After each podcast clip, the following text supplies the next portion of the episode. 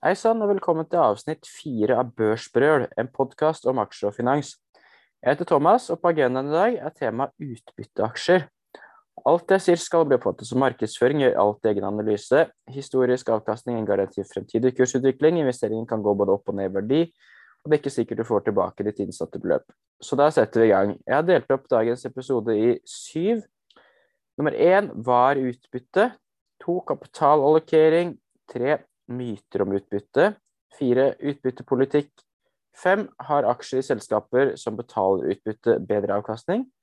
Seks hvordan påvirkes utbytte av renter. Og til slutt bitte litt om skatt.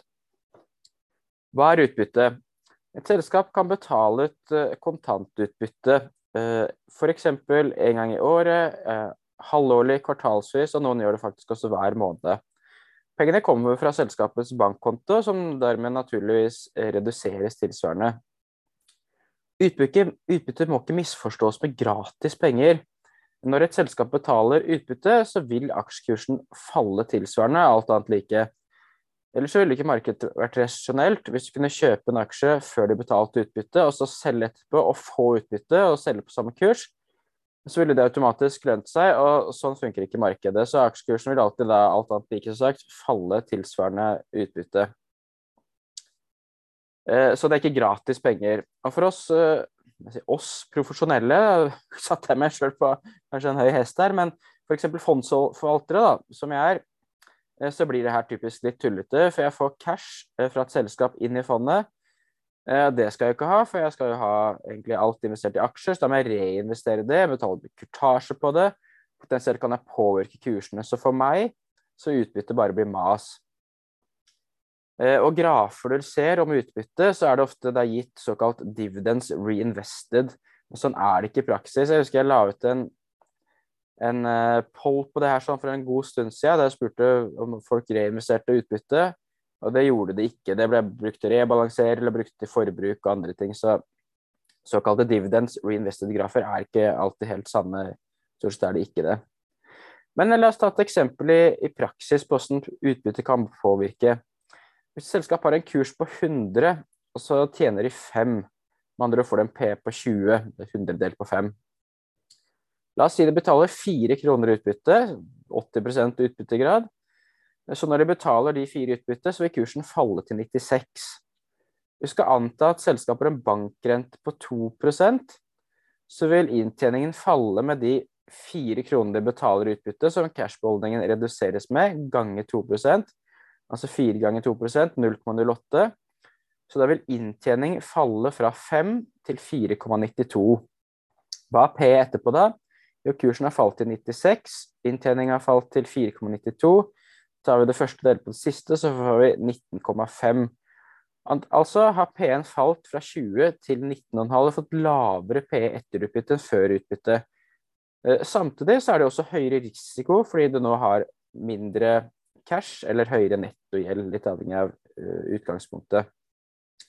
Dette må settes opp mot hverandre. Så noen ganger Hvis man har en feil kapitalstruktur, så kan det være bra å betale utbytte. Et selskap her i fondet som jeg mener for øyeblikket har helt feil kapitalstruktur, er Biogaia, som har masse masse cash. Jeg mener de bør betale ut det hvis ikke de klarer å allokere det til andre ting.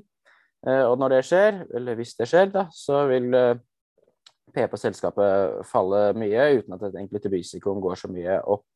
Så som et eksempel på det. Apropos for mye cash, la oss hoppe videre til, eh, til neste del, som er da kapitalallokering.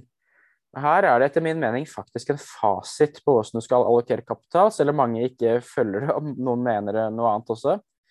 Nummer én er betal ned gjeld. Hvis du har for mye gjeld, så må du bruke den, den såkalte overskuddslikviditeten du har, eller de pengene du har til overs, til å sørge for å få en så riktig kapitalstruktur som mulig. Så det må, du, det må alltid være første prioritet. Hva er riktig kapitalstruktur? Det kan jo variere litt fra selskap til selskap ut fra hvor eh, mye eiendeler du har i balansen, hvor syklisk eksponering det er, uh, osv. Men hvis det i hvert fall fortsatt er penger til overs etter at du har skaffa deg en riktig kapitalstruktur, så vil fokus være å prøve å investere pengene i forskning og utvikling, i fabrikker, ekspansjon til nye markeder, eller på andre måte investere pengene som muliggjør lønnsom vekst. Et annet, et annet alternativ er å gjøre oppkjøp. Typisk kan det ha mer risiko. Etter min uh, vurdering så er det en litt overvurdert strategi. Oppkjøp går ofte galt, enn inntrykket mitt er at folk flest tror. Men det kan jo absolutt skape verdier det som blir gjort på riktig måte og til, til riktig pris. Så begge de to, da, på, på både investere pengene eh, organisk i driften på ulike måter, eller i oppkjøp, så må du ha en uh, mening om det er lønnsomt eller ikke. Du må altså ha et form for avkastningskrav på, på pengene du setter i drift. Eh, et tredje alternativ eh, til eh, å allokere kapital etter å ha betalt ned gjeld, er å kjøpe egne aksjer. Og det kan lønne seg om de er underprisa. Men for å vite om de er underprisa, så må du jo ha et forhold til om hvordan dine egne aksjer er verdsatt relativt til andre investeringer som nevnt i de foregående to punktene. Jeg kan snakke masse om tilbakekjøp, og det kan vi gjøre et, uh, som et tema i en annen episode seinere. Men la oss si at aksjen din heller ikke er underprisa. Da. da er jo utbytte siste utvei. Men sagt på en annen måte, hvis et selskap betaler utbytte, så er det en refleksjon av at ingen andre investeringer er lønnsomme. Som andre så er vi kanskje i nærheten av en peak da, hvis et selskap betaler utbytte. Så setter jeg det her selvfølgelig litt på spissen, og det finnes mange unntak eh, av selskaper som ikke klarer å vokse mer eh, i nye markeder og gjøre ting på mer fornuftige måter. Det kan være f.eks. ABG, da, som skal de ekspondere til nye land eller gjøre noe nytt, så vil det innebære veldig stor risiko. Eh, Bouvet kan være et eksempel, og, og kanskje en del sparebanker også eh, ikke ønsker å investere mer utover det området de er i, f.eks. Eh, så har jeg notert med noen myter om utbytte. Noen sier at utbytte er aksjonærvennlig. Men et selskap skal ikke bry seg om aksjonærene sine utover å gjøre beslutninger som gir høyest mulig langsiktig risikojustert avkastning. Aksjonærer som ønsker seg utbytte, kan heller selge litt aksjer hvert år. Effekten blir det samme. Du får litt penger, du har litt mindre eh, kapital da i den enkelte aksjen, på samme måte som utbytte vil gjøre. Her er det bare at du får færre aksjer, i stedet for at eh, aksjen blir litt mindre for litt lavere pris eller kurs. Eh, myte to utbytte signaliserer tro på fremtiden. Og det blir for dumt å feilallokere kapital bare for å hause opp forventningene. Så den uh, er definitivt en myte. Utbytte disiplinerer ledelsen, og implisitt i det ligger at ledelsen ikke er til å stole på, og da er det sikkert uansett greit å ikke investere i det selskapet. Eh, hvis man velger tilbakekjøp istedenfor utbytte, vil det ødelegge likviditet i aksjen. Men det er ikke ledelsens ansvar at aksjen skal være mest mulig likvid. Med gode prestasjoner, inkludert riktig kapitalallokering, vil uansett avkastning av tid bli god. Vi ser på en del selskap på Oslo Børs som har hatt best avkastning over lang, lang tid, så er faktisk mange av de ganske illikvide. F.eks. Torghatten eller Arendal Fosse Kompani eller Bouvet eller AF-gruppen. Selskaper er bundet opp i en utbyttepolitikk, kan være myte nummer fem, som vi skal snakke litt mer om. For nettopp dette med utbyttepolitikk er interessant. Å skulle betale en definert prosent av overskudd som utbytte kan ofte bidra til suboptimale valg. Utbyttepolitikken bør være fleksibel, fordi hvor mye utbytte selskapet bør betale, er betinget av attraktiviteten til de øvrige mulighetene til anvendende kapital, som vi snakka om på kapitalallokering. For eksempel altså, kan mange si at 30-50% utbytte skal betales som utbytte. Jeg synes det eneste rasjonelle utbyttepolitikken er å si at selskapet vil betale ut overskuddslikviditet gjennom tilbakekjøp og utbytte. Og så kommer jeg over en litt sånn snedig en jeg tenkte skulle nevne. Det er Pandora. Jeg vet ikke om de har skrevet det, men de nevnte det når jeg møtte de for noen måneder siden. De sa noe sånn som at eh, vi, de skal alltid betale en 2% utbyttegild, og resten av kapitaldistribusjonen skal komme fra tilbakekjøp. Så hva betyr det i praksis? Jo, la oss si at de f.eks. skal betale ut 40 kroner til aksjonærene basert på det de har skapt av verdier og det som gjør at de får en riktig balanse etter alle andre investeringer de har gjort. Så hvis kursen er 1000, så vil jo da 20 av de 40 kronene komme som utbytte, og de andre 20 vil da komme som til, uh, tilbakekjøp. Hvis kursen ikke er 1000, da, men den er 500 isteden, sånn som cirka det den er nå, det vil jo 10% komme som utbytte. altså 10 kroner av 500 vil jo være 2% og de resterende 30 vil komme som tilbakekjøp.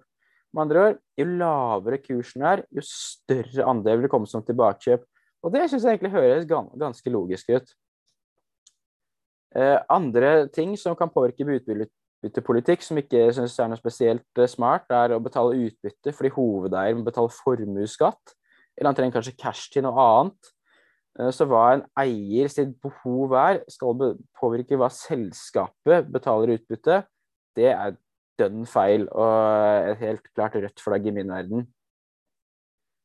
Og så er det litt Og det å kutte utbytte høres ut som en katastrofe. Eh, enten du kutter det ned fra et nivå til et annet nivå, eller kutter helt til null. Men det er ofte sånn at det kan være litt forankra på at et selskap alltid betalt utbytte, og skal vi plutselig kutte nå, vi har masse utbytteinvestorer, da må de selge, og det blir bare, bare rot. Men selskapet må forholde seg til hva som er riktig for de. Og eiendomsselskapene nå er jo utfordra det her, fordi eh, finansieringsmarkedet er mye vanskeligere Eh, en ting er at rentene er økt, men tilgang til finansiering, enten det er på bank eller obligasjon, er vanskeligere. Så kanskje nå er riktig å kutte utbytte, da, eller fokusere på å betale ned lån eh, heller enn å betale utbytte. Og det er en avgjørelse som er ganske vanskelig å ta. Castello f.eks. har betalt eh, utbytte 24 år på rad. Nå har de foreslått å kutte utbytte. Det kunne blitt en såkalt utbyttearistokrat, som har økt utbytte hvert år i 25 år. Men men de har mest sannsynlig best av å allokere den kapitalen til betalende gjeld i stedet for utbytte. Eh, og det er en vanskelig kan være en vanskelig avgjørelse å ta. Men kanskje det viktigste temaet, da. Eh, har aksjer i selskap som betaler utbytte, bedre avkastning? Og svaret er egentlig ja. Jeg, spurte en, en, god venn av meg om han kunne sende meg noen noe research papers på dette her. sånn. Så han sendte meg flere, og den ene jeg fant som jeg syntes var interessant, eh, så starta de Eller så skrev de den eh, i det, i, i det paperet There is abundant research supporting the historical outperformance of investing in dividend-paying stocks, especially high-yielding dividend stocks. If you Google dividend stocks performance, you will find hundreds of research pieces and charts demonstrating the historical outperformance of investing in dividend stocks. Uh, og så viser det da en graf som nettopp viser at uh, selskap betaler utbytte, har gitt høyere avkastning enn selskap som ikke betaler utbytte. Uh, men jeg tror det her jeg ikke men, men det her er kanskje en sånn correlation causation-problem. At det ikke egentlig er utbytte som gjør at selskapet er bra. Det er andre ting som muliggjør en utbyttebetaling, f.eks. avkastning på kapital, cash conversion osv. Jeg har jo rota bort til utbytteaksjer uh, sjøl, f.eks. god gamle Fjordkraften. Betalte veldig høyt utbytte, og det eh, viste seg ikke bli noen god uh, investering, fordi de ser ut til at de tjener mindre penger, og da er etter hvert må kutte utbytte.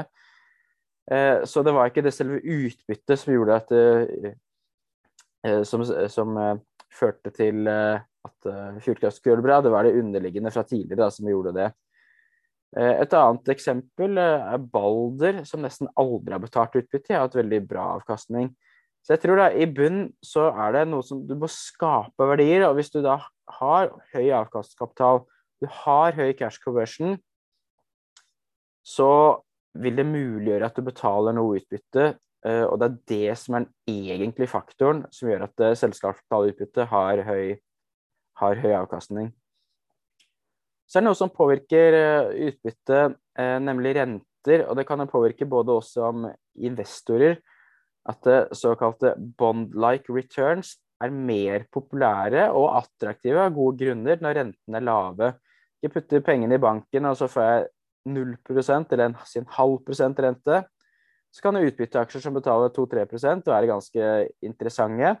Hvis rentene eh, i banken er 4% så er selskapsbetalt 2-3% utbytte kanskje ikke fullt så interessante av det, eh, av det hensynet. Samtidig fra selskapets ståsted så kan høyere renter også gjøre det mer lønnsomt for selskaper å ha mindre gjeld, og dermed heller anvende kapital til betalende gjeld heller enn å betale utbytte. Så det er sånn som påvirker, påvirker litt uh, over tid hvilke miljøer man er i. Eh, til slutt skal jeg snakke om noe, bitte litt om noe som jeg kan fryktelig lite om, eh, nemlig skatt.